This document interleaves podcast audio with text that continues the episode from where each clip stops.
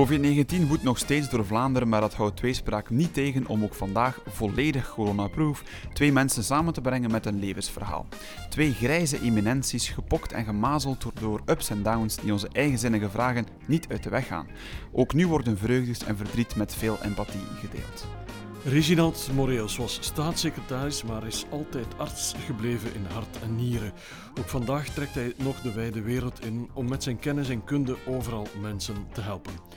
Drie meter verder, André van Halenwijk, de man die zijn naam gaf aan een van de grootste uitgeverijen in Vlaanderen en ook in de herfst van zijn bestaan begeesterd blijft door de kracht van woorden en zinnen. Pieter-Jan Molly en Steven Verhamme zijn als vanouds de betrouwbare gids op hun weg door het gesprek vol onverwachte wendingen. Hartelijk welkom André, hartelijk welkom Reginald. Ja, hartelijk Goedemorgen. Dag, goedemorgen. Hallo, hallo. Ehm, een klassieke vraag, heren. Eh, kennen jullie elkaar eigenlijk al of is dit een, eh, een vuurdoop? Het is de eerste keer dat ik Reginald mag ontmoeten en, en spreken. Hij- Maar ik, ik ken hem natuurlijk al, al, al heel lang vanuit zijn politieke eh, Mhm. carrière eigenlijk. Ook zijn, eh, oh, zijn, do- eh, zijn passage bij de CD&V, zal ik maar zeggen. Was toen nog CVP of CD&V? Of, of toch enfin, kantelmomenten. En eh, ja, toch ook wel zijn, zijn, zijn legendarische inzet voor Artsen zonder Grenzen. En Ja. nu ook ja, door de eh, artikels die ik er recent over opnieuw gelezen heb, zijn inzet in, in alle foute gebieden van de wereld. Hè. Cambodja, Irak. Ik heb gisteravond nog zijn boek verder gelezen. Mosul, Idlib. Het is allee, aangrijpend. Ja, je zegt foute gebieden in de wereld. O- Oorlogsgebied. Ja, oké. Heel Reginald, fout. Washington DC is nu ook heel fout. absoluut. Reginald, hoe goed ken je André van Halenwijk eigenlijk? Wel ook de eerste maal dat ik André nu ontmoet. Eh, plezier van altijd ontmoeten. Ehm, ik heb natuurlijk, eh, ja, ik ken Kritak van vroeger. Ik ken ook eh, ja, de namen. Dus, maar het is altijd veel prettiger van iemand face-to-face te zien. Mhm. En zeker in een podcast. En van, eh, dank voor jullie uitnodiging. Ja, ja. Heel veel plezier. Je laat de Kritak vallen. Die uitgeverij is nog altijd actief en een beetje nieuw leven ingeblazen door jou, André. Ja, sinds eh 15 maanden ben ik er opnieuw actief mee begonnen, omdat ik vond dat er. Ja, er. Ten eerste was plaats, eh, het, het kriebelde opnieuw bij mij. Ik, ik heb uitgeverij de, van Halenwijk verkocht toen ik ongeveer 60 jaar was. Er waren economische en persoonlijke redenen voor. Eh, en ik, ik was ook heel, heel moe, maar dan eh, een jaar of ja, twee jaar geleden ben ik, kreeg ik opnieuw de kriebels en ik kreeg ook veel voorstellen, ideeën, voorzetten. En, en eh, toen ja, ben ik naar Rick Koolzat gestapt, een vriend waar ik 45 jaar geleden Kritak mee begonnen was als student. En eh, ik zeg, kom aan Rick, we beginnen opnieuw. En zei, Van Halewijk, je zei zot. Ik speel niet meer mee, maar als je opnieuw begint, dan... eh, ik schrijf een boek voor u. Nu krijg ik toevallig het manuscript, heb ik vorige week opnieuw binnengekregen. Dus binnen vijf, zes weken ligt dat in de boekhandel. En eh, goed, ja, ik had een paar ideeën. Ook vrienden van vroeger, Luc Huizen bijvoorbeeld. Ook een, Karel Antonissen van de BBI, waar ik al heel lang projecten mee had. Enfin, ben ik dan eh, allemaal verzameld, ben ik naar Matthias Lano gestapt van uitgeverij Lano. En gezegd, Matthias, jullie hebben de naam Kritak nog van vroeger. Ik wil, op, eh, ik wil die naam overnemen. Hij zei, waarom? Hè? Ideeën, project. Ik zei, ik heb al zes manuscripten. Hij zei, oké, let's talk about it. En ja, toen is het eigenlijk vrij Ja. snel gegaan. Ja, ja. Reginald, we zijn februari 2021. Wat, wat spok jij nog allemaal uit? Wel, ik, eh, februari 21, ik kom juist terug ook van zending, vermits ik eh, ja, uit Beni kwam. Ik heb in november een zending gedaan. Ik kom nu juist ook een zending in februari te doen. Eind januari, begin februari. En dat is, Beni ligt, is niet Benin. En Beni is een gebied in Noord-Kivu, in de Congo, Oost-Congo. Dat nu voorlopig een rode zone is, no-go zone, hè, in alle ambassades ter wereld. Maar fijn, goed, oké, daar kun je weinig staat op maken, want die zijn meestal zeer bevreesd. Hè. Maar, ehm, en dan ten tweede, het is een zone waar dat nu een 18 jaar lang conflict is, niet tegenstaande die totale nutteloze vredesmacht van de MONUSCO, die ongeveer meer dan een miljard per jaar kost, een dollar. En dus wat dat betreft uh, denk ik dat dat te maken heeft ook met uh, coltan, kobalt en alle soorten handels, houthandel, ja. die in dat gebied in feite aanwezig zijn, ook met de illegale doet, wapenhandel. Jij doet dan nog altijd operaties? Of ja, ja, ja, ik, ik opereer daar voluit. Mm. Ik, mijn doel van een objectief is van daar een chirurgisch en verloskundig opleidingscentrum, een zorgcentrum te maken, omdat ik nog gezien, nu meer en meer zie dat de, de mensen daar uh, werkelijk uh, die zorg uh, nodig hebben. En er is geen enkele specialist voor 1 miljoen en half inwoners. Dus ja, ik vind dat toch wel weinig ook. Hè. Ja, ja, het ijs is helemaal gebroken. Pieter Jan, ik denk dat we helemaal klaar zijn voor vraag 1. Ik laat jou de eer om uh, een vraag te kiezen uit de lijst. Wel, ook iets stel ik voor dat we eigenlijk uh, een uh, nieuwe vraag nemen, of een vraag die er recentelijk is bijgekomen. Um, laat ons zeggen dat we op vandaag we nog altijd in een crisisperiode zitten, die hopelijk snel is opgelost. Maar laat ons even vooruitkijken, ook een beetje verder. Laat ons zeggen dat we eventjes vijf jaar vooruit spoelen. Um, André, waar zie jij jezelf binnen of over vijf jaar? Ik denk dat ik nog altijd hetzelfde zal doen. Ik denk dat de problemen nog niet uit de wereld zal zijn. Waarmee ik ook niet gezegd heb dat ik de problemen uit de wereld help. Maar er moet wel iemand. Oh, ik, ik, ben ook gewoon maar.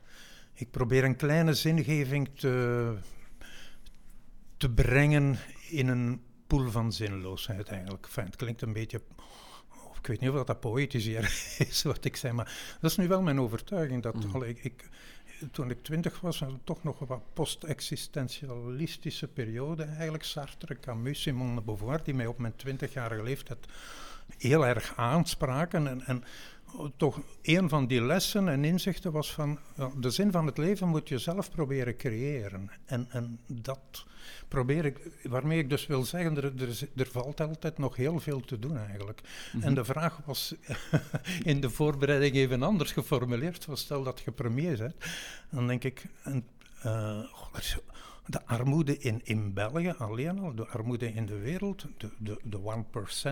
Mm Ik heb van de week nog gelezen dat de tien rijkste mensen bezitten meer dan 50% van de armste van de wereldbevolking. Mm Dus de tien rijkste mensen bezitten meer dan de 50% armste. En dan valt er nog wel wat te doen. Niet dat ik dat ga doen, maar er moeten ja, megafoons, er moeten boeken, er moet communicatie zijn mm rond dat soort problematiek. Klimaat. Kan literatuur de wereld veranderen, denk je? Nee. Nee, maar we moeten wel blijven hameren van jongens, het moet beter, het kan veel beter. België mist uh, eh, 30,4 miljard belastingen jaarlijks. 30,4 miljard belastingen, die zijn niet innen, waar ze wel recht hebben. Enfin, ik, wil hier geen twee uur vol praten en zo, maar oh, daar word ik echt emotioneel van. Apple mhm. betaalde tot voor enkele jaren, voor dat vestagiair daar wat per, uh, uh, een megafoon opzetten en men echt ook juridisch Apple begon te, te benaderen, te, te, te veroordelen eigenlijk, maar 0,0005% betaalden, ze, uh, betaalden zij belastingen op hun winsten. 0,0005% in Ierland, omdat daar de goede koop zit. Dan denk ik, kom aan, wat een waanzin. Ja, dat is inderdaad nu gecorrigeerd, maar uh, ja, klopt. Dat is inderdaad ja, nu is het waarschijnlijk 1,2%. ik heb heel bij leven heb ik 32% belastingen betaald als we winst hadden. Hè. Mm -hmm. Heel, uh, enfin, sorry. En uh, als we even doorspoelen naar, naar vijf jaar verder, waar is André binnen vijf jaar nog altijd mee bezig? Of nog mee bezig? Ik hoop in, de, in, in boeken of anders. Oh, ik was ongelooflijk onder de indruk, dus ik heb uh, de voorbije weken een boek van Reginald Moreels gelezen over, over zijn persoonlijke inzet met Unisheer in, mhm. in, in, Oost-Congo. Mm -hmm. Dan denk ik van, ik, ik, ik vind dat fenomenaal, uh, Reginald, fenomenaal, indrukwekkend. Dan denk ik, ja, er, en nu doet die, die, die fundraising eigenlijk gewoon... Mm zelf, zal ik maar zeggen. Hè, ja, met, met mijn omgeving. En dan denk ik. Lonely surgeon. Er zijn nog projecten genoeg. Er zijn mm -hmm. nog miljoenen, miljarden ja, projecten. Zeker. Want uh, Reginald, dat zijn mooie woorden eerst en vooral. Als, ik het, als mijn correct, informatie correct is, dan ben je binnen vijf jaar 76, denk ik. Um, ja, ik niet te veel van spreken, want nee. je weet dat ik de leeftijd niet aanvaard, maar ja, ik moet wel biologisch Voilà, we moeten, we Joe, moeten ook Joe al... Biden, Joe Biden is 74. Voilà, hè. voilà, zeker. Hij was de grootste president. 48. Voilà, grootste Maar, maar stel, stel, Reginald, dat jouw gezondheid het toelaat. Doe je dan nog altijd Wel hetzelfde als dus, vandaag? eh, dit is hier een goede vraag. Hè. Dus het zij ben ik in, binnen vijf jaar in een aspotje, hè, verrast en zo. Het zij, het zij eh, ja, ben ik nog vrij actief. Hè. Zoals André zegt, eh, bon, we gaan elkaar niet eh, het lof toezwaaien, maar iedereen weet dat ik ook veel respect heb voor mensen die nog voor, tegen het onrecht strijden. En wat, wat hij juist gezegd heeft, treft mij ook. Ik heb ooit gezegd deze week, nog of verleden week, eh, in een opinie over de vaccinatie mondiaal. Hè, dus de onrechtvaardige allee, mondiale verdeling van de vaccin, het vaccinnationalisme ten opzichte van het vaccinmondialisme. Maar nu dat ik het onrecht tot mijn laatste snik zou ook eh, eh, bewaren. En daarin denk ik dat wij dus volledig overeenkomen. Dat heeft niks te maken met eh alleen ongelooflijk naïeve militantisme. Dat heeft te maken met een gewone realiteit zijn. Als ik de kloof zie tussen hetgeen ik in Beni meemaak op gebied van gezondheidszorg en onderwijs. En hetgeen ik hier zie, en gelukkig de evolutie hè, ik ben absoluut, ja, ik vraag niet beter dat de mensen hier goed verzorgd, perfect verzorgd worden. Wel, dan eh, is het natuurlijk verschrikkelijk. Hè? Als je weet, eh, we hebben twee zuurstofapparaatjes voor 500.000 inwoners in Beni. Voor COVID bijvoorbeeld. Hier hebben ze dus eh, bijna, ik weet niet, 2000 intensieve zorgbedden. En ik weet niet of dat je dat gezien hebt met hoeveel pompen en infusen en monitoren dat ze daar aan zitten. En gelukkig maar, had de COVID, of moest de COVID nu in een nieuwe golf, wat, wat mogelijk is in deze dagen, in Afrika toeslaan, dan staan we daar voor een catastrofe. Oh, en ik spreek toeslaan in de zin dat de COVID niet meer de griep of de malaria-achtige crisis is, maar dus respiratoire complicaties geeft en zo.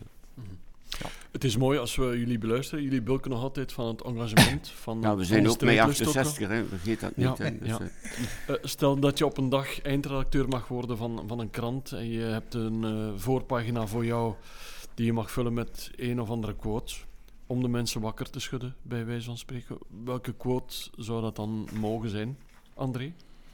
Eh, sorry, ik ga even spieken. Ah, ja. De droom moet groot genoeg zijn. Dat vond ik een mooie quote. Ik, ooit eens, ik, ik, piek overal quotes hoor. Ik heb, ik heb tientallen, twintigtallen. Eh, de droom moet groot genoeg zijn. Je moet, je moet, op, voor je, je moet niks, hè, maar eh, je moet voor iets durven gaan. Kunnen gaan, willen gaan. En, en ook een andere die ik ook wel de moeite vind eigenlijk. eh, Wees idealist zonder illusies, vind ik ook wel. Eh, gewoon, ja, dat is een positieve drive die je moet toch... Allee, je moet niks. Nogmaals. maar wees idealist zonder illusies. Want eh, dan word je ook niet ontgoocheld.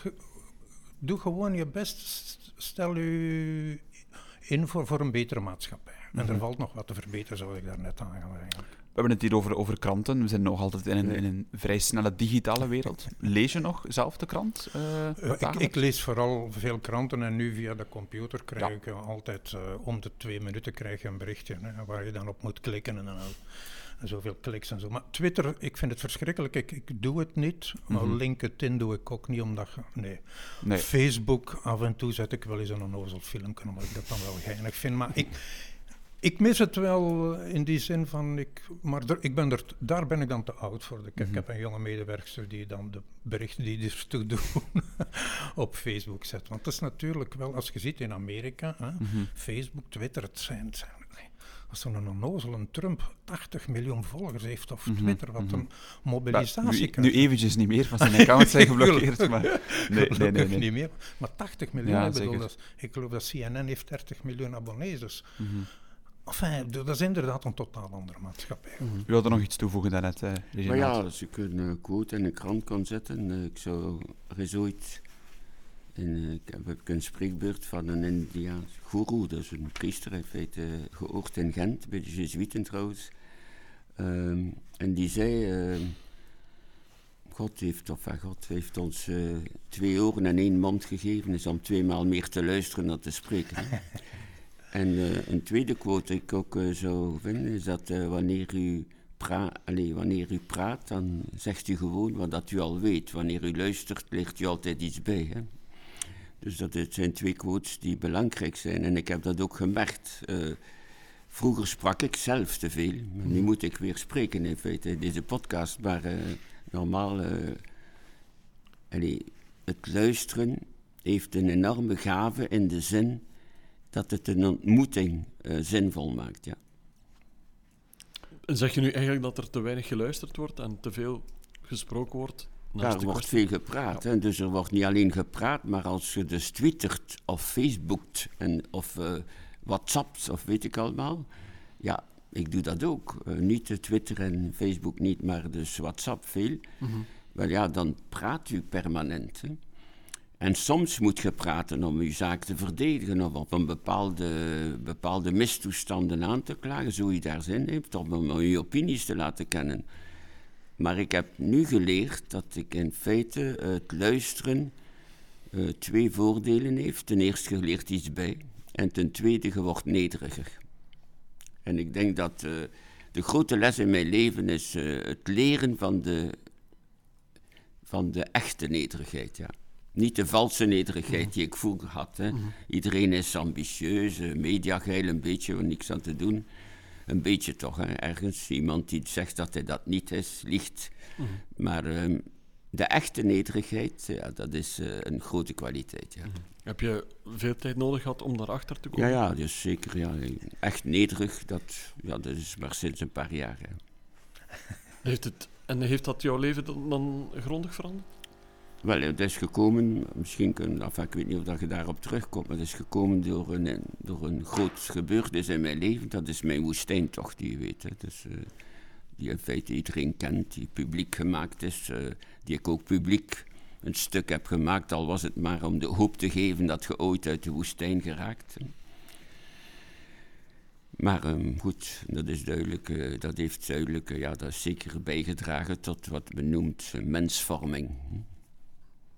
En voel jij je nu een beter mens nadat je die les Niet hebt beter, geleerd? maar uh, toch wel... Uh, als nederig wat beter is, dan misschien wat beter. maar het is vooral nederig. Je zegt les, uh, Steven. Ik merk dat we misschien ook wel deels de, de volgende vraag hebben beantwoord. Maar als we even terug gaan naar André. Um, wat is de mooiste les die je in je leven hebt geleerd? Je kan steeds opnieuw beginnen. Dat, dat vind ik een belangrijke les. Je krijgt, iedereen krijgt tikken tegen het hoofd of tegen het hart of, of tegen de schenen eigenlijk. Maar ja, je kan steeds opnieuw beginnen. Als je voldoende positieve energie blijft halen uit jezelf eigenlijk. Die alle, kunt wel geholpen worden door je omgeving om die energie opnieuw te vinden en zo, of door bepaalde mensen. Maar ja, dat is, je kan altijd opnieuw beginnen.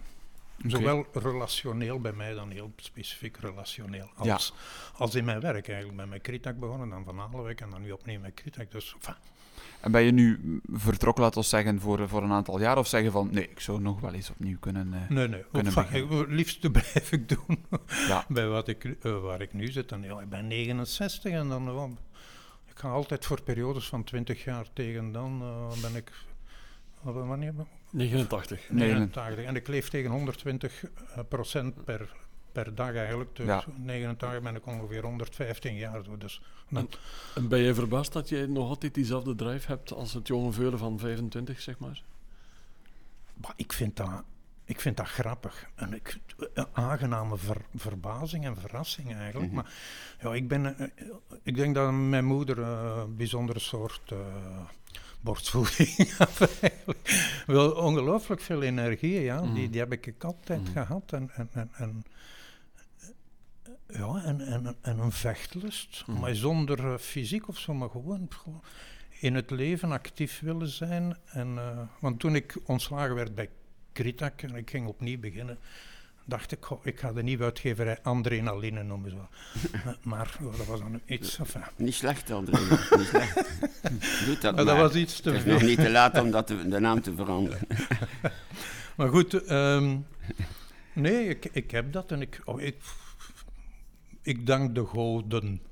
Ik ga nu Reginald een beetje... Want ik, ja, ik bedoel, dat is toch meer de man van de god en zo, maar ik... ik, ik um, ja, als, hè, met alle respect, hè, maar Ik dank de goden, ja, Ja, voor de ja. energie. Die drive die we horen bij André heb jij eigenlijk ook. Hè? Op je 71ste nog naar Afrika reizen om te gaan opereren. Dat is ook eh, een drive die niemand of niet veel mensen hebben. Ja, het is. eh, maar ik, nu geef ik eerlijk toe dat het mij meer energie vraagt dan vroeger, dan twintig jaar geleden en zo. En eh, bon, eh, dat is duidelijk. Maar eh, die drijf stopt niet. Hè. Dus eh, als je vertrekt, moet je altijd ei mee hebben naar je roots, naar je wortels, naar je thuis.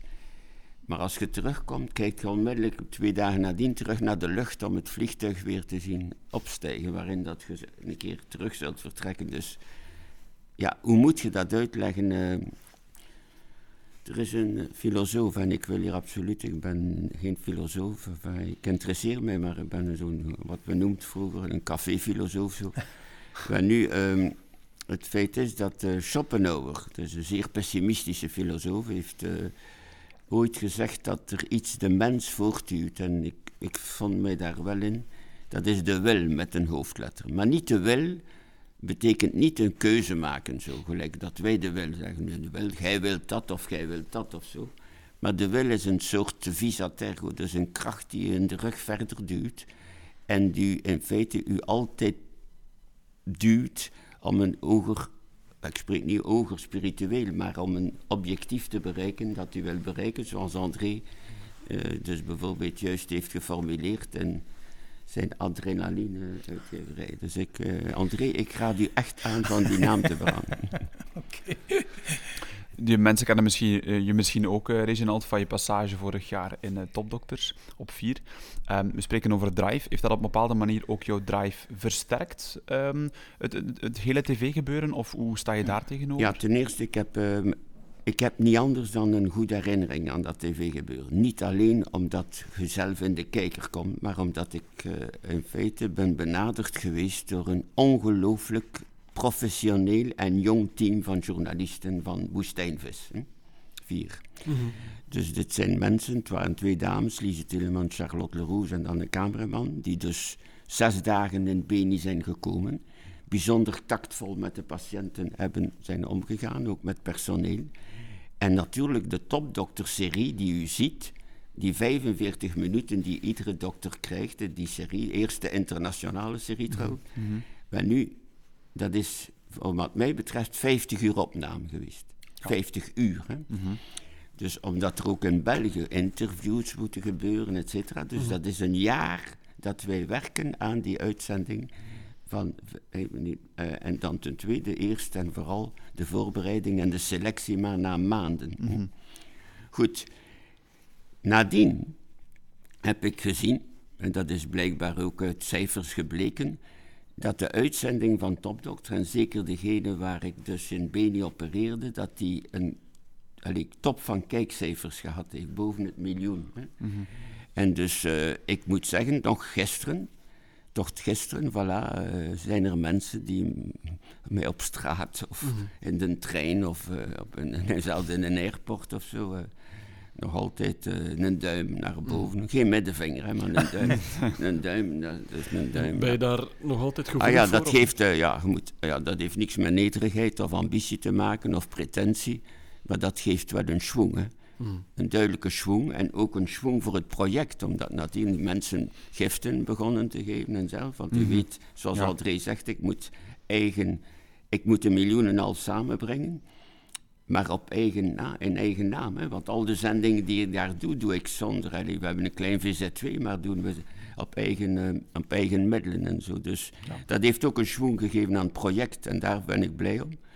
Maar het geeft u ook een persoonlijke schwung om verder te gaan. Dat, is, dat ga ik niet ontkennen en zelfs zeer bevestigend op antwoorden. Ja. Laat ons zeggen dat we van de schwung dat iemand heeft overgaan naar iets anders die iedereen wel eens kan hebben. En dan heb ik het over een guilty pleasure. Iedereen heeft, normaal gezien toch, een guilty pleasure. Iets dat je zegt van, dat kan iets met eten te maken zijn, dat kan een bepaalde gewoonte zijn, dat je zegt van, dat weten eigenlijk niet veel mensen van mij. Ik moet me daar misschien een klein beetje schuldig over voelen, maar daar eh, ben ik toch mee bezig. André, heb jij zo'n bepaalde guilty pleasure dat je wilt delen met onze luisteraars? Uh, mijn, mijn guilty pleasure ligt eigenlijk ook in een project waar ik al, al 15 jaar bijzonder geïnteresseerd ben. Dat is in het Franse stadje Rennes-le-Château. Rennes-le-Château, daar zouden de schatten liggen van de Merovingers, van de Kelten, van de Kataren. Ook het, het lichaam van Christus zou daar in die bergen liggen en de Ark des Verbonds. En, zo. en waar, waar, ligt dat ergens in Frankrijk voor de mensen thuis? Goh, bij Coïza dicht bij Carcassonne, ja. 50 kilometer van Carcassonne okay. eigenlijk. En uh, iemand kwam in Leuven op een bepaalde dag met zeven manuscripten binnen en, en, en ik zei, oh, van goed, altijd spannend. En die begon te vertellen, zo'n tas koffie, lalala. En, en je bedoel, adembenemende verhalen. En, en ook zo van, als dat waar is, is breaking news. Als het niet waar is, is het nog straffer, want dan heeft hij dingen verzameld. Of ik ben daar dan uh, beginnen lezen en zo. En ik, ik, heb er een deel van, een, van die zeven manuscripten uitgegeven en dat is waar hangen het uh, de rechtvaardige rechters. En is de gerechtelijke politie wel gaan zoeken op basis van de linken met, met Rennes Château en zo, en de klerikale loge, bla bla bla. Zo. Allemaal, en die waren bijzonder geïnteresseerd, want een van die gerechtelijke mensen zei: Goh, André, als je ooit gaat zoeken, in Rennes Château, ik ben kandidaat, ik ga mee. Of goed. En dan is het allemaal wat verwaterd, omdat we het, het paneel van de rechtvaardige rechters niet vonden in de kapel van Tervuren, terwijl dat leek allemaal bijzonder goed onderbouwd en echt speurneuzerij.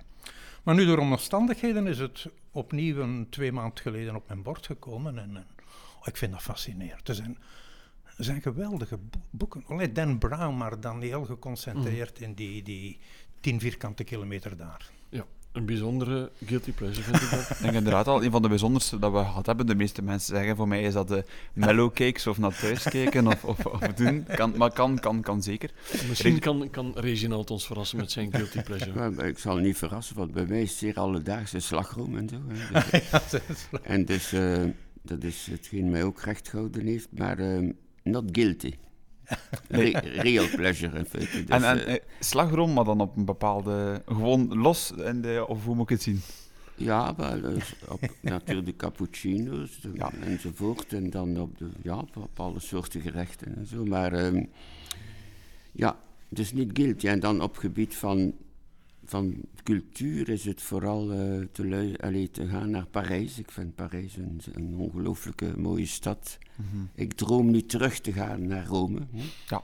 Niet alleen uit uh, mijn religieuze, maar ook uit mijn religieuze overtuiging. Maar ook omdat die stad, uh, laten we zeggen, een, uh, een, kruispunt is toch van, laten we zeggen, toch een stuk van onze beschaving. Hè? -hmm. Dus van een Latijnse beschaving. En ik moet zeggen, ik heb, allee, en dan een laatste zaak, een buitenland heb ik een droom van nogmaals terug te keren naar Ethiopië. Ja. Ik heb daar geopereerd in de oorlog, de eerste oorlog, niet de deze natuurlijk, maar een oorlog van de einde jaren 80, 90, Tigray. Ik ben daar, ik heb voor Davids Fonds daar een aantal reizen gegidst voor, uh, ja, en het noorden van Ethiopië is een bakermaat van de beschaving, een bakermaat op alle gebieden, dus zowel op archeologisch gebied, als op religieus gebied, als op cultureel gebied, als op, uh, ja, op uh, sociaal gebied, et cetera. Ja, het lijken mij eerder intellectuele guilty pleasures. Nee, nee, nee, nee, die slagroom heeft niks intellectueel. Los van die slagroom. Je zei daarnet uh, het woordje religie, Reginald, dat je dat je voor jezelf heel belangrijk vindt om, om met religie om te gaan of mee bezig te ja, zijn? Ja, je weet, ik ben gelovig, ik kom daar ook vooruit, zelfs al ben ik een laatste der Mohikanen, zeker in het Westen hier. Mm -hmm. Maar dit gezegd zijnde, um, ik geloof, dus om, omdat ik twijfel, en ik twijfel, omdat, het is voor mij een stimulus om te geloven. Mm -hmm. Dus voor mij gaat geloof gepaard met twijfel. Hm? Als je dus geen twijfel hebt, gelooft je niet, want dan stelt je iets vast. Hm? Mm -hmm. En God kunt je niet vaststellen. God, of wat men met God bedoelt. Het enige figuur bij wie dat me kan optrekken, historisch gezien, is Jezus Christus. Mm -hmm. Dat is een profeet. Er zijn anderen geweest, oké, okay, maar het is een profeet. En, en, voor mij een grote profeet in de zin dat hij niet alleen de liefde heeft gepreekt, universeel, mm -hmm. zelfs al is er niet gerespecteerd altijd geweest in de kerken, mm -hmm. zoals u weet. Maar, um, en, maar ten tweede, vergeef uw vijanden ook. Hm? Hebt uw vijanden lief. En dat is toch zeer moeilijk. En zeker in deze context, waar dat de vrede nog altijd een woord is dat meer zou moeten verspreid worden en waarvoor meer zou moeten vechten, is dat natuurlijk een bijzonder belangrijke boodschap. Dus oké, de religie heeft voor mij, uh, zeker ook op cultureel gebied, de zangen, zowel een mis in Afrika als de Gregoriaanse zangen, heeft een zeker belang. Maar ik ben geen pilaarbeter. Ik heb een probleem trouwens met zowel pilaarbeiters als pilaarvreters, ziet u. Want ik vind wel dat elk vorm van fundamentalisme domheid is. Ja. Ja, de kerk is een beetje een verdrukking in het Westen. Uh, dat maar niet een beetje, het is een eh, duidelijke verdrukking, maar het is goed. Het is goed, denk ik, dat de kerk die veel gevlucht heeft met de macht, dat die ooit terug in de catacomben treedt. En doet dat jou ergens verdriet? Nee, dat doet mij geen verdriet. Dat doet mij ook eh, hopen op een nieuwe toekomst. de catacomben zijn wel af en toe wat kil. Hè? maar uh, oké, het, het warmt wel op, ja. Mooie woorden, alleszins. Ja, nee, eh, bent er. Boeiende visie op uh, religie. Ja, ik volg het ook heel, heel erg eigenlijk. Mhm. Maar, maar oh, inspirerende figuur, de figuur van Christus. Ik heb daar ook Relle Chateau geweest, redelijk wel over gelezen en zo. Ik denk dat dat. Uh, er, er, bestaan verschillende visies over. Uh, over de figuur van Jezus Christus. Ja, er, er zijn ook die hard versies. Paul Verhoeven, de filmregisseur, mm heeft daar een, fantastisch boek over geschreven. Hij heeft daarover gestudeerd toen hij in Amerika zat. En dat is echt, echt heel mm boeiend. Zo van, uh, Christus als, als koning, hè, en mm echt koning in die periode. Hè. Mhm. Hij, is ook, hij is ook gekruisigd geweest als politiek figuur. Hè? Ja, de koning ja, van Judea. En niet als de, de zoon gods. Hè. Dat is een belangrijk element. De mensen vergeten dat. Mhm. Hij is gekruist als een politiek figuur. Maar, maar het, is, het is een... Uh, fenomenale leer, hè, het christendom. Mm Men heeft het mismeesterd. Hè, en ook, ook de deelname aan de macht is, is, is, is bangelijk hè. geweest. Nu, oh, nu hebben ze geen macht niet meer, dus mhm. de deelname is, is, is bescheidener. Maar. Ja. Paul Verhoeven, de man van Basic Instinct, wordt hier geassocieerd met Christus. Ja, en een, een, een, een, echt... Uh, dat heb ik in de katholieke lessen godsdienst nooit gekregen, wat Paul Verhoef daar wist, allee, over, over vertelde. Ja, ik ben bij de Jezuïeten opgeleid en die mensen, ja, die, die produceren de grootste geloven, af en toe een keer, en, maar ook de grootste vrijzinnigen ook. Hè. Mhm. Maar met vrijzinnigen, ik heb ooit een boek geschreven met een van de grootste vrijzinnigen van Vlaanderen, dat is uh, Rick Pinksten. Hè. Mm Maar nu, uh, het is zo dat ik... Uh, ik heb een enorm respect voor uh, vrijzinnigen, die dus ook respectvol zijn ten opzichte van gelovigen. En omgekeerd, ziet u. En uh, ik denk dat in, in een, zelfs al een beetje de geschiedenis toch achter zich laten, de, de vervolging van de loge door de vrijmetselarij, door de katholieke kerk in verleden eeuwen en zo. Als je dat allemaal achter u laat en terug naar elkaar gaat luisteren, in een zekere vorm van nederigheid, terug dat woord nederigheid, gepaste nederigheid. Mm nu, dan denk ik dat we veel verder gaan staan, ja. Okay. Ik ga trouwens binnenkort gaan spreken in Wallonië voor een loge voor de eerste maal in mijn leven, ja. Als getuigenis, ja. Nee. Mooi om naar uit te zien. U zijn 69 en 71, dan vraag ik mij af, als iets jongere man, hoe, hoe, uh, jullie uh, momenteel omgaan met, met geld. Hoe, welke relatie hebben jullie in, in de herfst van jullie leven met geld? André? Ik ben nooit met geld bezig geweest. Uh, ik, ik, ik had een, een, project, een soort idealisme, een, een engagement. Een, ja, en, en ik was bezig met, met content, inhoud, met, met mensen eigenlijk, met auteurs en waar ik in durf, durf geloven. Als men ja, het, eh, ook omdat auteurs het kapitaal zijn van een uitgeverij. In die zin heb ik wel een groot kapitaal leren kennen, laat ik het zo formuleren. Maar zelf, ik ben nooit met geld bezig geweest. Ehm, en, en ook, ik heb geluk gehad dat ik op het einde van de rit uh, Jeroen Meus in het huis had. Eigenlijk. En uh, was een uh, was lucky, lucky shot en ook oh ja, goede momenten waar ik redelijk wat kon mijn relaties met de bank kon herstellen, laat ik het zo formuleren. Want nu heb ik nu, nu op pensioen, ik heb 1453 euro pensioen geloof ik op jaarbasis. Ik heb quasi geen, geen, geen spaargeld. Ik heb wel een eigen huis, maar dan denk ik, goh. En dan niet voor mezelf, maar wel voor mijn kinderen. Zo van, ja, laat dus, ja, nee. Mhm. Dat, maar verder heb ik daar geen last van. Dat is die 1%. Hè. Die tien mensen die de helft hebben van de wereldrijkdom. Reginald, uh, welke relatie met geld heb jij uh, momenteel? momenteel enfin, altijd gehad is een relatie, dus dat je eerlijk met geld moet omgaan. Hè. Dat is een eerste woord, eerlijk met dat geld omgaan. Dat je niemand moet bedotten, dat je geen zwarte circuits moet hebben. Alleen in mijn leven, ik heb, ben altijd publiek chirurg geweest, maar ook uit een zekere allee, respect ook voor um, degenen die het minder goed hebben, zal ik zal ik niet zeggen dat ik geen geld heb. Dus ik ben wat ik noem, ooit heb ik dat gezegd in ontbijt in de tijd, ik ben begoed, maar niet rijk. Hè. Maar de begoed wil zeggen, zoals André zegt, dat je wat geld hebt op een spaarrekening of een, zelfs een belegging, af en toe belegging, en dat je kinderen eventueel uit de nood kan helpen. Hè. Mm -hmm. Zeker als je kent, zoals ik heb, die in de horecasector zitten nu en zo. En, um, en ten tweede dat je ook iets kunt doen voor het project in Congo, alleen voor een ander project en zo. En dus uh, het geld is altijd, een, vind ik, ook iets nuttig om mhm. voor iets anders iets te doen. Maar voor de rest, uh, buiten die, die zogenaamde, ja, wat ik zou noemen, bijna verplichte, bijna obligate vrijgevigheid uh, eigen luxe, wel, eigen luxe mhm. streef ik niet na, maar ik leef, uh, allee, ik, heb geen, ik heb ook geen probleem, laten we zeggen. Hè, want dat zou toch een beetje gemakkelijk zijn tegenover de mensen die veel minder hebben dan mm. wij. Waarom we die vraag stellen is natuurlijk de inleiding op vraag 7. Pieter Jan, we moeten daar niet flauw over doen.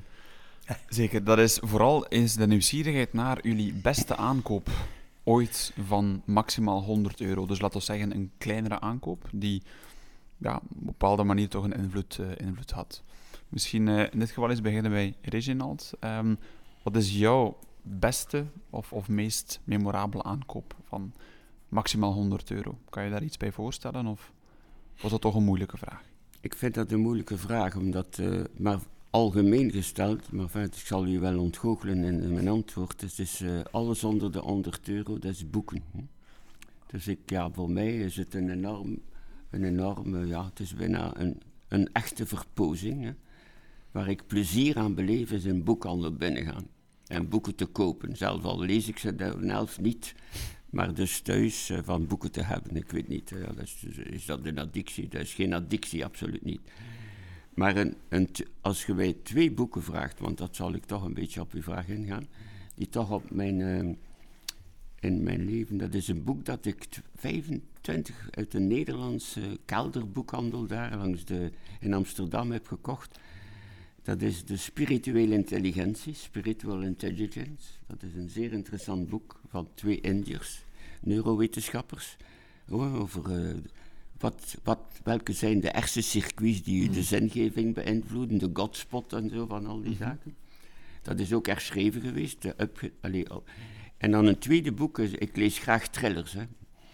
En een tweede boek is die fameuze boek van uh, die bekende auteur Patterson gelijk en, en Clinton daar. De mhm. drie dagen de afwezigheid van de president, ja. Ik raad iedereen. Dus allee, ik wil u twee boeken geven die op mijn invloed hebben, maar eerlijk gezegd... Uh, ben nu nog een boek bezig over de onzekerheid. Ik schrijf ook af en toe wel, maar verder dat is... Uh, daar komt dat heeft niks te maken met die 100 euro. Hè. André zei het net al, dat je een boek had. Uh, ben je nog bezig met een, met een ja, ja, het volgende boek komt uit begin maart. Ja. Oké. Mogen we al weten waarover het gaat, uh, Reginald? Drie letters. God. Drie, drie letters. Nee, dom. dom. Dat is zelfs. sorry, sorry, sorry.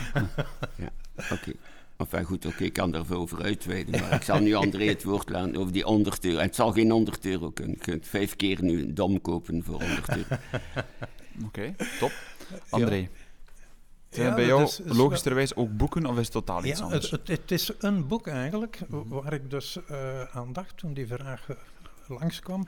En ik was 19 jaar, mijn eerste jaar in Leuven. Ik had ook een eerste lief en zo. En, en ja, die maakten het af omdat ik toen al blijkbaar te, te enthousiast de wereld wou veranderen. En dat kind zei van, oh, ik ga fietsen, jong. ik wil, ik wil uh, wat genieten van het leven en zo. Je, je had daar over de honderd. Ja. Je had daar over de honderd. over de honderd, ja. Ah, oké. nee, goed. Uh, en de grote, ja, goed. Dat, de, de, grote zinloosheid van het leven. Hè. Waarom studeren? Enfin, dat soort frustraties en, en, en diep ongelukkig zijn als 19-jarige eigenlijk. Een verlaten puberteit en zo.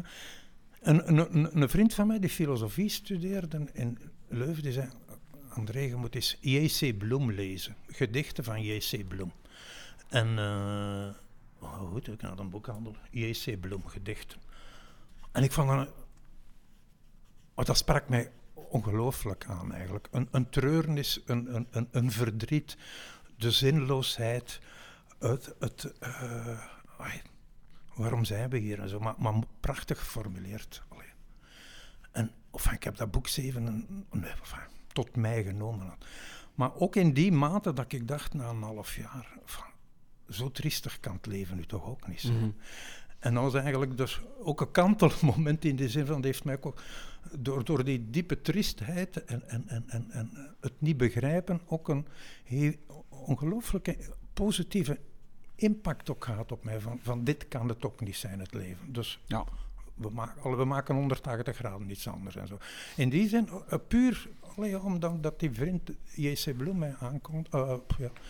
En, en ja, heeft mijn leven eigenlijk ingrijpend veranderd, zonder ja. dat ik dat, dat boek eigenlijk. Is dat een soort ontroering die de poëzie dan teweeg brengt bij jou? Of, of welk gevoel eigenlijk? Ontroering, ja, en, en, en herkenning en, en, en, en de beperktheid van het leven en de, en de onmacht en, de, en het, de teleurstelling ook. maar ook dat je, de zingeving ook uit jezelf kan komen. Mm -hmm. uh, maar ook de tristesse. Oh, of, misschien guilty pleasure. een soort tristesse die daar afdruipt, maar ook zo van, dit is erover, dit kan niet. Uh, ja. Laten we even, uh, achter de wolken schijnt de zon. Ja. Oké, okay, um, zou ik graag overgaan naar ook een van onze nieuwe vragen, dat ik altijd een, uh, een uitdaging vind, zeker in deze omstandigheden, vooral ook om een keer te vragen aan, aan Reginald. Um, ons land en de wereld bevindt zich nog altijd in een grote crisissituatie. We moeten daar ook niet flauw over doen de vaccins uh, en zo verder uh, komen eraan, zijn al gezet, uh, strategie wordt uitgetekend. Maar morgen um, zijn jullie allebei premier van ons land. Wat is, Reginald, je eerste agendapunt? Maar in deze omstandigheden is het evident de pandemie. Mm -hmm. Dat is evident. Maar als je het over vijf jaar of drie jaar zelfs, of twee jaar bekijkt, dan ja. is het iets anders. En als ik daar even mag op terugkomen, voor de pandemie, toch kort Oké, nu, men aanvaardt als een dogma bijna, een doxa, dat uh, ja, de mensen de vaccinatie een bepaalde sequentie moet hebben. Die sequentie volgens mij moet toch ergens een prioriteit leggen. Ik zou dus de sequentie toch een keer ter discussie stellen, alleen ter discussie, ook aan die club van uh, wetenschappers en zo, virologen en infectiologen die allemaal uh, perfect weten waarover ze spreken, maar ik vol, wij volgen dat als artsen ook natuurlijk elke dag.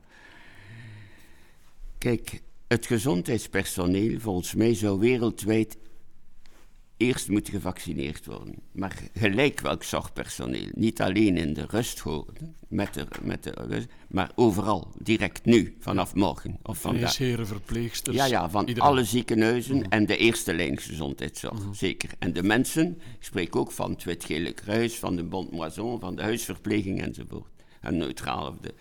Dat is dus het eerste. Dat zou ik werkelijk de basis leggen. Nu niet. Hè. Nu zijn er altijd, moeten gezondheidswerkers nog wachten.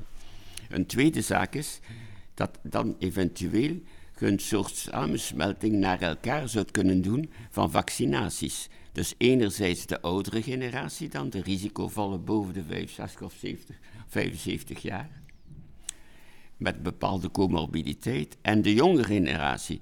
Want Zelfs al weet men nu dat de scholen niet de grootste verspreiders zijn en dat de kinderen een minder erge vorm hebben van COVID, is er toch een ganse generatie van mensen die pas gediplomeerd zijn, die job zoeken, die bedrijven in bedrijven gaan werken, die in zelfstandige beroepen gaan werken en die volgens mij zeer, veel vlugger zouden moeten gevaccineerd. Dus je zou dan een soort een beweging hebben, maar twee uitersten van leeftijdsgroepen mhm, mhm. naar elkaar toe groeien. Dus dat is een eerste zaak. Dat is mijn bedenking als, allez, als die zogenaamde illusie van twee minuten en een half te zijn. Hm?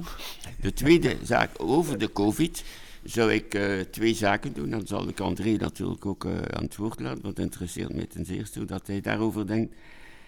Ik zou een programma lanceren, waar, eh, dat meen, hè, niet alleen de slogan, Eco for Eco. Dus Eco, 4 voor Eco.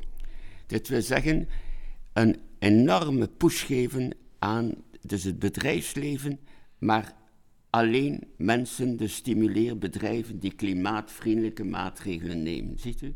En de bedrijven die dat niet doen, eventueel alleen dus een stuk meer belasten, meer fiscaal belasten, etc.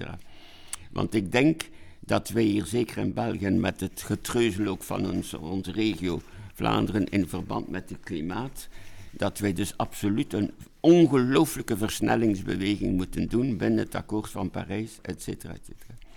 We zitten achterop. Ja, en eco voor eco. Hè? Dus eco, de twee, economie en ecologie. En dan de derde zaak, en dan stop ik ermee. Dan denk ik dat de representatie van onze democratie grondig ook moet erbekeken worden. Dat is dus, ik ben al lang zelf met de tijden zelfs dat David van Rijbroek zijn boek schreef. Hè. ik ben natuurlijk David van Rijbroek niet, maar ik had al een artikel en opinies gepubliceerd over uitgeloten burgers. En de Senaat is daar een ideale kamer voor. Uitgeloten burgers die dus naast dus de representatie, de volksverkozenen, die in veel mindere aantallen moeten aanwezig zijn, zou moeten bindende beslissingen opleggen aan dus de bestaande wetgevende en uitvoerende machten. Ja. Premier Van Hallewijk, ga je je volledig aansluiten bij hetgeen Reginald zegt, of heb je toch um, andere plannen? Nee, ik, ik, sluit mij helemaal aan en ik neem gelijk een partijkaart van, van, van, de nieuwe partij eigenlijk. Want ik had ook een beetje verwacht dat Reginald daar ook een opmerking over ging maken eigenlijk. Uh, ik vond het wel een mooi zinnetje, we maken van de Senaat een nieuwe Kamer en zo. Wat je in uw boek terecht ook uh, opmerkt eigenlijk van uh, de macht van de particratie en niet van de stem van, van het volk, vond ik een heel pertinente opmerking. Jouw ervaring als, uh, ja. als CDM of CVP, staatssecretaris en zo, die periode. Sta ik nog altijd 200% achter. En ook wel van die pandemie kan er alleen maar mee eens zijn. En ook die klimaatdoelstellingen, ja, het, het wat concreter maken. En wat mij ontzettend begaat, is, uh, ja, bezighoudt, is eigenlijk ook die, die 1% eigenlijk. En, en, en, die miljarden ontduiking. Ik heb het in het begin van, al gezegd. Mm België 30,4 miljard, die, dat, was in, in, in 2015, die gewoon niet betaald wordt, ontweken wordt. En men weet dat. Uh, en, en dan allee, bij de presentatie van het boek van Karel Antonissen over de BBI eigenlijk, uh, die zei, die had het over een bedrag van, van zwart geld en zo, dat nog eigenlijk kon, kon, kon, kon gereglementeerd worden als men 15% boete op zou betalen. Mm. En de dag van de presentatie kwam de tijd om een beetje het boek van Karel Antonissen te jennen eigenlijk. met met, met de, de, verantwoordelijke van de financiële overheidsdienst. En zei, oh, er is minstens nog 100 miljard uh, zwart geld in het buitenland. Dan denk ik van jongens, doe daar iets aan. Ah, dan word ik, sorry, dan moet ik mijn pillen pakken.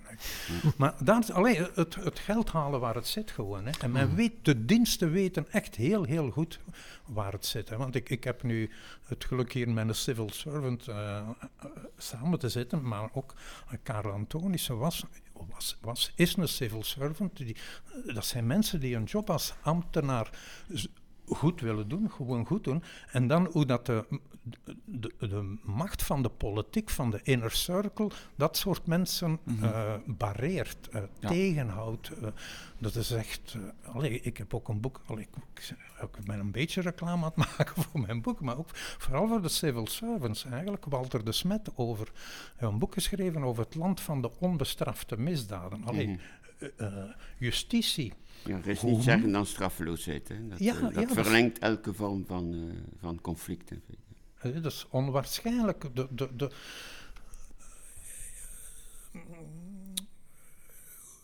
ja, de stilstand in dit land rond dat soort projecten. Ja, ja. André Reginald heeft gekozen voor politieke bestaan als politicus. Zou dat iets zijn ook voor jou? Eventueel ook op latere leeftijd, waarom niet? Maar als ik Joe Biden zie op zijn 74. Dat kan nog, hè? David Attenborough is 94, geloof ik. De Queen ook 94. En die de, post, de post was 78. Dat was vallen, kijk, er is een, De nieuwe post. Maar ik... Uh,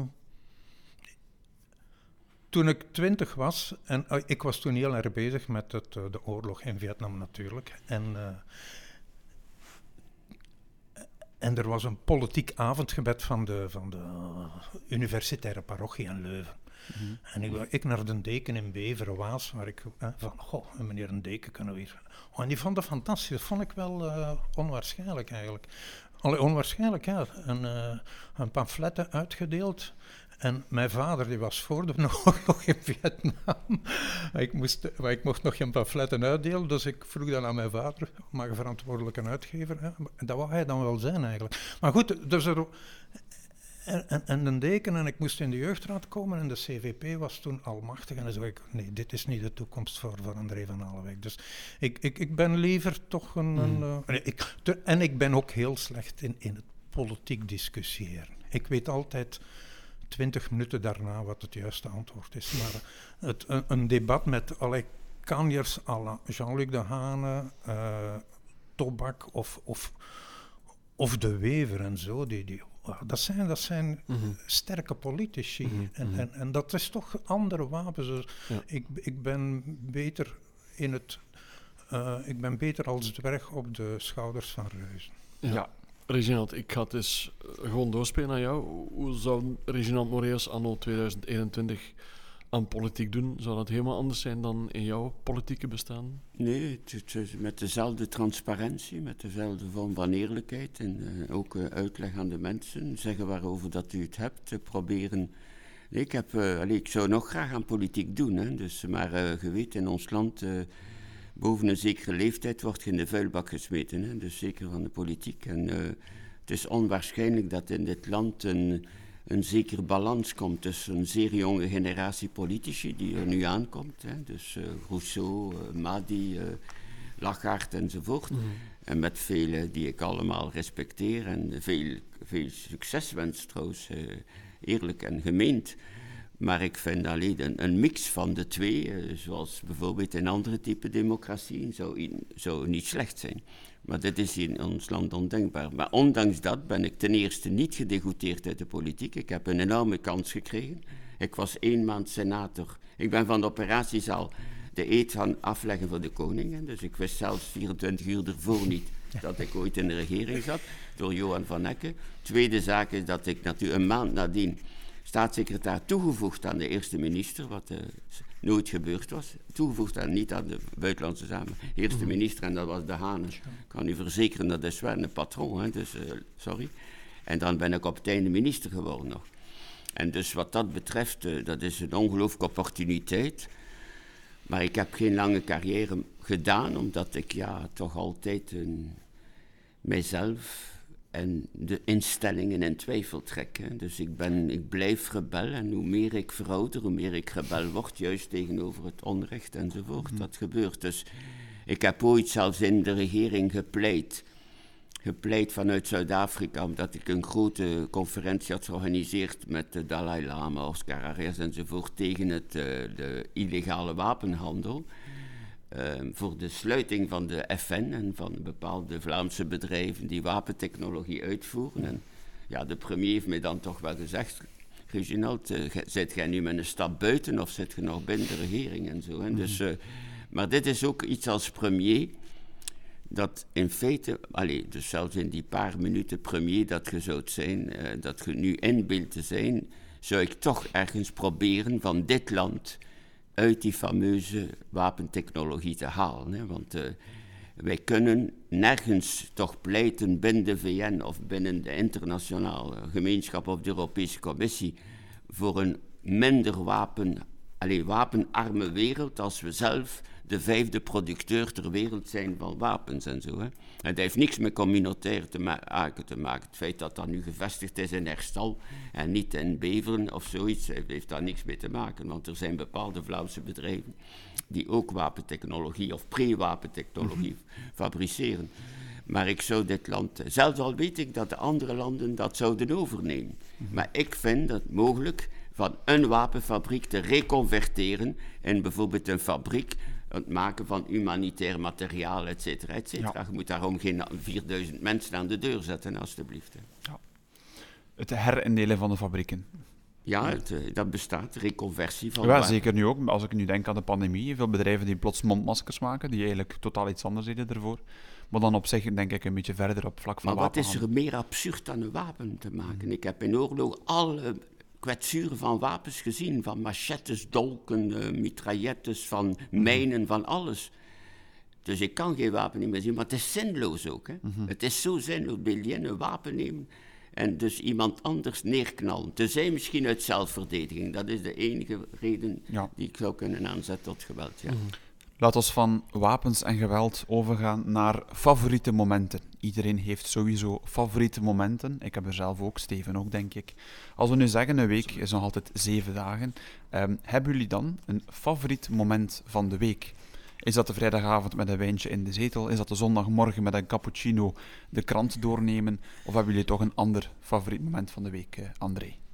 Nou, ik moet jullie ontgoochelen, maar ik vind elk moment van de week even spannend en uitdagend en zo. Ik heb, ik, ik heb, ik heb erover zitten nadenken, en, maar ik, ik uh, nee, wat ik wel mooi vond, dat was toen ik kleine kinderen en dat ik eigenlijk chauffeur was van de familie, dat ik maar zeggen. En dan mocht, moest, ik, moest ik, mocht ik Florian naar de Duiveltjes voeren op zaterdag voormiddags voor voetbal uh, goed, in, in OHL Leuven. En dan uh, naar de judoles voor mijn oudste en dan naar de circusschool. Dat vond ik mooie momenten om naar uit te kijken, omdat dat, hey, oh, dat was geen quality moment, ik was gewoon chauffeur eigenlijk. Maar je ziet uw eigen kinderen dan bezig met, met wat zij op dat moment boeiend vonden. En er, ja, er, goed, uh, als chauffeur kon ik daar naar uitkijken, maar anders nee, ik, ik, ik stap eigenlijk... Mijn leven is het toch ook een beetje, ondanks de ellende die op de wereld is, maar ik zie het toch als een grote speeltuin waar ik uh, ja, mij geen moment in verveel. En, nee. en, en, ook zelfs guilty pleasures, pleasures hebben onder de grond. is een dag te kort voor jou? Want dat hoor je soms wel eens hè, bij, bij mensen van jullie leeftijd.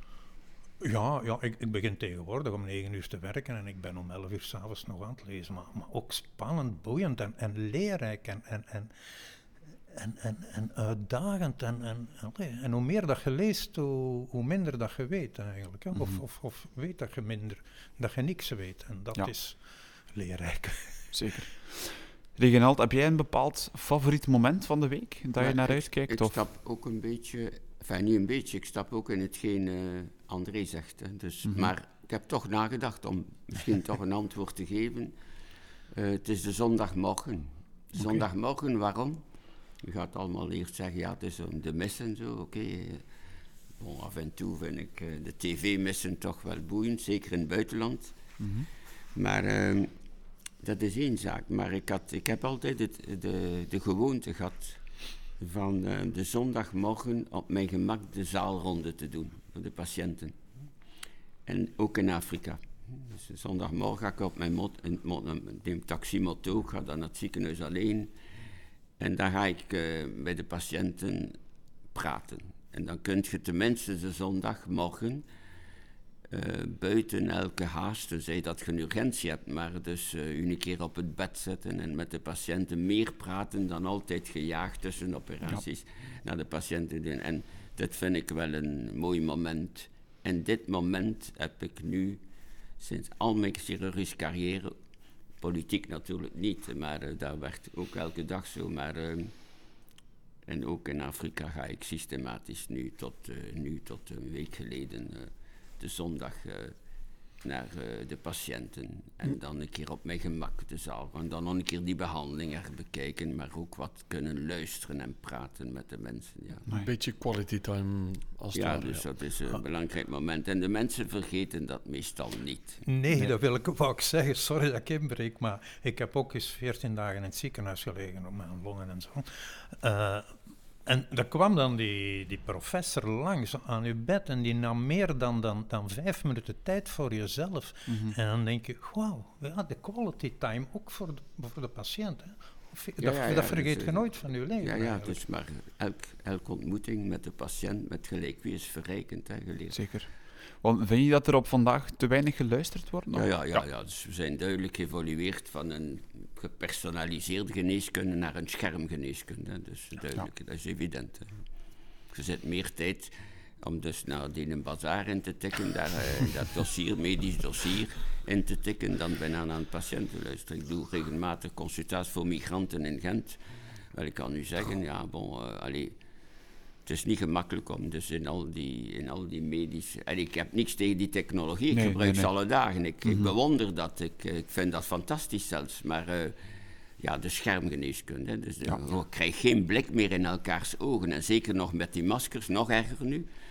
En dus, maar je kijkt alleen naar uw scherm. Mm -hmm. Dat is mooi gezegd, Dien Bazaar. Dien Bazaar, en schermgeneeskunde inderdaad. Dus, um, ik, had, uh, het was een reportage dat ik denk ik een week of twee geleden had gezien van een chirurg in Hongkong die opereert in New York. Dus die eigenlijk met een 5G-verbinding. Uh, fantastisch om te zien natuurlijk. Hoe sta je daar dan tegenover, tegen zoiets? Ik is denk dat... dat dat de toekomst is. Ja. Bijvoorbeeld, dat zou zeer goed passen dat wij vanuit uh, Europa of de Universiteit Gent bijvoorbeeld. Ja, ik ben een Gentenaar en dat was echt een Gent neer. en dus, uh, oké, okay, uh, dat, ja, dat je dus een operatie zou kunnen gidsen uh, in Beni bijvoorbeeld. Ja. Want in feite, ik blijf zeer afro-optimist in de zin dat ik denk dat Afrika zeker, maar ook andere lagere inkomenslanden, ontwikkelingslanden is een absurde term, elke maatschappij is een ontwikkeling, ook de onze, maar dus een lage inkomensland dat die mensen dus wat ik zou noemen de industriële revolutie zullen overslaan mm -hmm. om direct van de agrarische evolutie naar de digitale revolutie te gaan. Ja. En dat is uh, zeer opgevend, ja.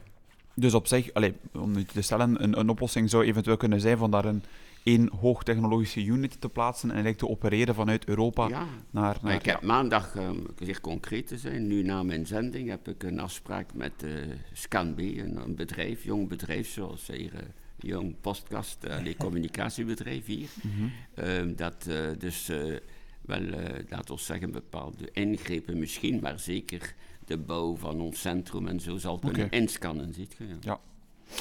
Oké, okay, boeiend, maar heel, heel boeiende wereld alleszins. Ik denk dat wij trouwens bijna toegekomen zijn, Steven, aan onze laatste vraag, denk ik. Ja, uh, iedereen droomt van uh, dingen die hij niet kan. We hebben dat allemaal. Een magische gave, zeg maar. Um, als er iets zou kunnen zijn dat je zou kunnen, maar je kan het momenteel nog niet, wat, wat zou het dan zijn, André, in jouw geval? Jouw magische gave? Ik had voetballer willen worden.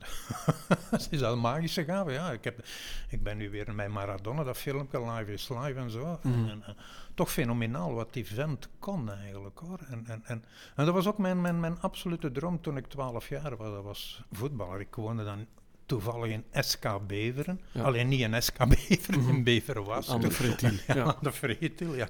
voilà. Uh, Wilfried Van Moer, Jean-Marie Favre. Jean-Marie Favre was onrechtstreeks nog een aanleiding uh, dat ik niet mocht gaan voetballen, want die woonden in, echt 100 meter verder bij ons in de straat, in de barakjes. Maar mm -hmm. allee, dat was geen volk voor, mm -hmm. vond mijn moeder. Een geweldige madame hoor, mijn moeder laat dat duidelijk zijn. Maar dat was... Dat was en, en, en, het bestuur en ik met de pleuris voetballen op de koer van, van, van school en zo. Met allemaal voetballers die, die uh, bij Beveren voetbalden. Iedereen voetbalde bij SK Beveren toen en zo. En is het bestuur komen vragen of ik aan mijn vader of ik niet mocht komen, aansluiten en zo. En zei nee, hij, kan thuis veel meer uh, nuttig zijn. Allee, we hadden een uh, fruithandelsbedrijf. Enfin, een frustratie. En eh, ja, goed. En ik kon redelijk voetballen, maar goed, ja. is dat magisch gegaan? Ja, als je Maradona bezig ziet op Live is Live is... Het is me- meer dan een talent. Het is wel magie. Ja, toch wel. Ja. Nou, dat is magisch, ja. Of Messi of Cruyff. Ja. Ah, je bent een geweldige fan van Cruyff ook. Mhm. Is Ja. voetbal soms ook een beetje, ook een beetje Ja. kunst? Ja, Ja, ja toch ja. Be- behalve dat het nu vergeven is door die, die belachelijk waanzinnige bedragen eigenlijk. Maar, maar topvoetbal is kunst eigenlijk hoor. Toch wel. Allee, het geniale van die voetballers. Reginald, sluit je aan bij zo'n, laten we zeggen, abstractere magische gave? Of, of heb je toch iets... eh, Ja, ik... Bon, op- voetbal is geen abstracte gave. Nee, nee, zeker niet. Maar ik wil zeggen, de meeste mensen bij goeie- magie zeggen de tijd in stop het Gent zetten, gezegd, kunnen een goede vliegen. shotter zijn, dat is goed. Hè. Maar, Zeker, eh, zeker. Ik bedoel maar, gewoon... ehm, ja. ja. Ja, hetgeen dat ik altijd eh, persoonlijk, alleen nu geen tekort, maar dus een, eh, allee, toch ergens een, een naar hunkerd heb en niet gekund heb, dat is een muziekinstrument bespelen. Ja. En ehm, het liefst eerst gitaar. Maar dan nadien heb ik ook eh, geluisterd naar mandolinemuziek. En wie weet, ja, mandoline. Ja, zo. Voilà, dat is alles wat ik daar aan te voegen. En heb je geen muzikaal talent of heb je het nooit uitgeprobeerd? Nee, ik heb geen, ik denk geen muzikaal, ik weet het niet of dat muzikaal talent heb. Ik heb ooit eh, wat eh, muziekschool gevolgd. Bon, een beetje noten, ge- noten gekraakt, zo wat men noemt. hè. Meer gekraakt dan gespeeld en zo, maar eh, goed. eh, Want in muziekscholen zitten ook mensen van jullie leeftijd die. ja, ja, ik heb dat nog gevolgd en ja, zo, toch. ja, bon, zo, maar oké, ik ben dan afgehaakt en om te zeggen, ja, mijn moeder, mijn grootmoeder, waren pianospeelster en zo, dus ergens moet er misschien toch iets overgebleven zijn, maar ik heb nooit, eh, een van mijn dochters speelt piano en zo, dus een beetje piano toch, en ja, ik heb eh ben overgeslagen, ja. maar ik, niet op de piano, ik zou liever gitaar of mandoline spelen. Voilà. Dus het is zeer Nee. concreet, maar het is... Op zich ook een mooie gave, denk ik. De gave van muziek blijft, eh, blijft heel belangrijk. Ik had trouwens gezegd, de laatste vraag. Ik denk dat we eigenlijk nog net tijd hebben om nog één vraag ehm, ertussen te nemen om ook mee af te sluiten. De onverwachte vraag. De onverwachte vraag. Een vraag die nergens op staat. Nee, nee, dat gaan we niet doen. Ehm, zijn jullie, laten we zeggen, ontvankelijk voor eh, complimenten? De ene wel, de andere niet. Maar eh, laten we zeggen, wat is het mooiste, of toch een van de mooiste complimenten dat je ooit hebt gekregen? En mogen we ook weten van wie dat was? Ehm, misschien terug eens beginnen bij Reginald. Luisteren wat dat we daar kunnen eh, ontfutselen. Dus ja, niet gemakkelijk. Hè? Dus eh, oké. Dus het woord dat ik permanent nu krijg, en vroeger ook, maar nu sinds topdokters, het wordt altijd hetzelfde, tot gisteren toe. Hetzelfde woord is respect, ja. Mhm. We hebben respect voor hetgeen dat u doet. Voilà, dat is alles wat ik daar... En ik kan niet zeggen, het is van de anonieme, per, anonieme. Ja. Op straat, ja. Ik vraag altijd wel een naam. Ik zeg, ja, maar mijn naam kent u niet en heeft geen belang, zeggen de mensen. Ja, maar ik zeg, excuseer mij. De mijne heeft niet meer belang dan de uwe. Dus hoe noemt u uw voornaam, uw naam en zo. Maar het is altijd hetzelfde woord. En het komt te veel terug. Honderden keren. Altijd hetzelfde woord. Respect. En ik heb ooit gezegd, ik vind dat een zeer grote kwaliteit, hè, respect. Eh, ik heb altijd respect voor een cultuur. Begint ook met de cultuur van het respect ook. Hè. En, Ik- en als iemand dat voor de honderdste keer zegt, Ja. zoals je zegt, eh, komt dat nog altijd even warm? Ja, dat binnen? komt even warm, want het is gemeend. Je ziet dat dat bij de mensen gemeend is in feite. En dat is geen... Want in feite, een, een anonieme persoon die je nooit meer zult zien en die dat uitspreekt, dat kan toch niet... Allee, dat kan toch niet in het belang zijn van iemand. Dat is toch belangloos, laten we zeggen. Mhm.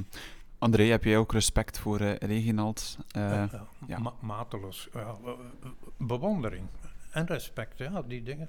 fenomenaal. Ik, ik, vind het een eer om samen met hem hier te zitten. Ja, ik ook. Ja? Ja, echt waar. Niet knippen. De- de- echt, ja, fantastisch. En dat is een bruggetje naar... dat is een mooi bruggetje naar jouw eigen compliment. Eh, toen ik... eh, het- maar ik mag nog twee minuten. eh, twee momenten, hè. Het- Twee minuten ik, ook. Ik, ik,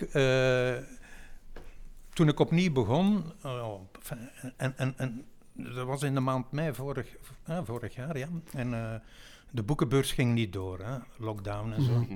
En iemand belde mij op. Ik heb ooit, oh, heb ooit gewoon vanuit de functie van voorzitter boek.be de boekenbeurs mogen organiseren. Ehm, en die belde mij op en die zei: Goh, André, je bent opnieuw begonnen. The legend is back. Ze- nou, ik vond dat zo geweldig. Ik bedoel, dat was er zo over, zo grappig, zo, zo, zo van de pot gerukt. Maar enfin, dat is zo'n zinnetje dat je toch niet gemakkelijk vergeet. compliment. Mooi. Maar, maar het grootste compliment was toch wel eh, toen ik ontslagen werd bij Kritak door Meulenhof. En dat was toch redelijk onverwacht nog voor mij eigenlijk. In 1994. En toen eh, de medewerkers van toen, dat waren een tiental mensen, die, ja, die waren even onverwacht, nog geen gsm en zo, maar ja, dan s'avonds toch nog die, die mensen kunnen bijeenbrengen. En, en die zeiden ze direct van, moeten we in staking gaan? Want, want dit kan echt niet. Ik zeg nee, kapitaal van een uitgeverij zijn de auteurs. En dat was in juni, zorg dat de boeken voor de boekenbeurs klaar zijn. En toen hebben zij, die, me- die medewerkers, een, een, een petitie naar al die auteurs gevraagd. Allee, eh, en, en alle auteurs, eh, nou, dat stond dan in de... Ik maakte daar een matchje België-Holland van eigenlijk. Hè, want Meulenhof waren de eigenaar, waren Nederlanders. of De imperialisten in het boekenvak, dat soort verhalen. en zo. Eh, toen al en nog, goed, dat zijn weer andere verhalen. En dat was toch wel een onwaarschijnlijke erkenning van, van, van en de medewerkers, maar ook, ook, ook van die auteurs. En die zijn dan, ik ben dan negen maand later, eh, dat was een goede bevalling, past eigenlijk opnieuw begonnen. En al die auteurs zijn mee overgestapt naar Van Halewijk en ook al die medewerkers. Dat vond ik nu wel, oh ja, dat, dat is een compliment. Ja. Van, ja. Mooi compliment bestaat niet als je eh, zo gerespecteerd wordt door je medewerkers. Ja, Ja. als ze opstaan en tegen een ontslag vind ik dat wel altijd zeer positief. Ja, en, en ook, allee, maar dat is ook altijd de filosofie van mij geweest en nog steeds van, een uitgever is een groep. Allee, dat is, en, en ik had het geluk dat ik altijd heb kunnen werken met mensen, zowel zeker aan auteurskant, maar ook aan medewerkerskant, die veel slimmer waren dan ik. Ik, ik ben gewoon een, een spelverdeler eigenlijk. En, eh, Af en toe wat leuke babbels en een quote en zo, maar, maar nee, en, en, en energie en, ant- en adrenaline. Adrenaline. Ja, maar alsjeblieft, André, doe mij een plezier. Doe dat uw naam veranderen. Dat is met Matthias Lano wel. Ja, ja, maar men zegt dat Matthias Lano, het is een boodschap, dringende boodschap van Maurice. We zijn er helemaal doorgeraakt, jongens. Ik vond het fantastisch. Eh, je zei dan, The Legend is back, maar The Legends were back hier eh, bij Tinketch. We zijn eh, heel vereerd dat jullie eh, op onze Ja, uitnodiging dank u aan jullie ingaan. beiden ook. Ja. Dus Hoe hebben jullie de- Hoe hebben jullie de podcast eh, zelf ervaren? Dat vragen wij ook meestal aan onze gasten. De tijd is gevlogen. Ja, hè, ik Ja, had het op ja. voorhand gezegd, we proberen af te ronden na een uur en een kwart. Kijk, het is nu een uur en dertien minuten. Dus, eh, Ja. En heel prikkelend en uitdagend. En, en je leert ook veel bij eigenlijk. en, en, en het werkt goed. Ik bedoel, ik, de eerste keer dat ik podcast live, eh, eh, de, de, achter de schermen of achter de micro's en zo. Nee, het, het, is, het is echt wel stimulerend ook. Het was een buikmoment in de week, om nog een keer op Ah, voilà. vraag te antwoorden. fantastisch, dankjewel. Het was voor ons ook heel fijn, denk ik, om altijd opnieuw nieuwe boeiende mensen eh, Ja. te ontmoeten. Eh, Ja, we moeten Overigens zeer wordt boeiende jobs zijn. Podcast wordt de toekomst ook in het uitgeversvak. Hè. Of een stuk van de toekomst. Hè. Ik bedoel, eh, dat zie je in de cijfers in Amerika zeker. En hier ook. Ik bedoel, oh, eh, nee, dat is, dat is mijn vriend Dorian van der Brent, nog van de buren, die, die begon tien jaar geleden misschien al met podcasts. En dan denk ik, ja, het zal wel. Ik bedoel, ik geloof het wel. Maar nu, ja, nee, het, het, het is, het is een belangrijk onderdeel van de media. En hebben jullie al stappen gezet bij Kritak in die richting of nog niet? Nee, met Kritak niet, ook niet. Lano is daar wel mee bezig hoor, hebben er wel een paar en ook, ook, ook met video en zo. Ja. Want, en, eh, mhm. want die hadden, ik denk twee maanden geleden hadden zij een video, allee, Van Rans, dat is meegewerkt aan een kinderboek, om een boek van Van Rans bij Lano en zo. En eh, dat was combinatie podcast, maar ook, ook, ook een video en heb dan in, in alle scholen afgespeeld nu met, met, eh, via de computer en zo. En dat Mhm. was ongelooflijk eh, bereik. Ja. En dan van Randst, COVID. Enfin, ja. Mhm. Dat is een toekomst. Wij blijven alleszins gewoon doordoen en Ja. podcasts maken, En Steven. En nog een keer, een, ja, we zijn in februari, maar toch nog een keer aan de luisteraars ook een wens. Hè. Een wens van vrede in uzelf en voor de anderen en zo. Het is toch, denk ik, namens André en zo, dat we dat uh, aan alle luisteraars ook een keer mogen duidelijk Mogen eh, toewensen. en gemeend zeggen. Ja. Absoluut. Mooi dank u einde van deze podcast. Heren, dankjewel. Het gaat jullie eh, goed op jullie eh, terreinen waar jullie komen. Blijf jullie eh, engagement trouw en ga er altijd maar voor. Ja, dank. Zeker. Dank u wel ook opnieuw, Steven, voor eh, Dankjewel, Pieter Jan. mijn gastheer te zijn. En eh, ook aan iedereen die hier eh, natuurlijk eh, aanwezig was. Dank u wel en eh, Graag gedaan. Het gaat je goed. Dank u wel. Tot tweespraak. Ja, Ja. dag.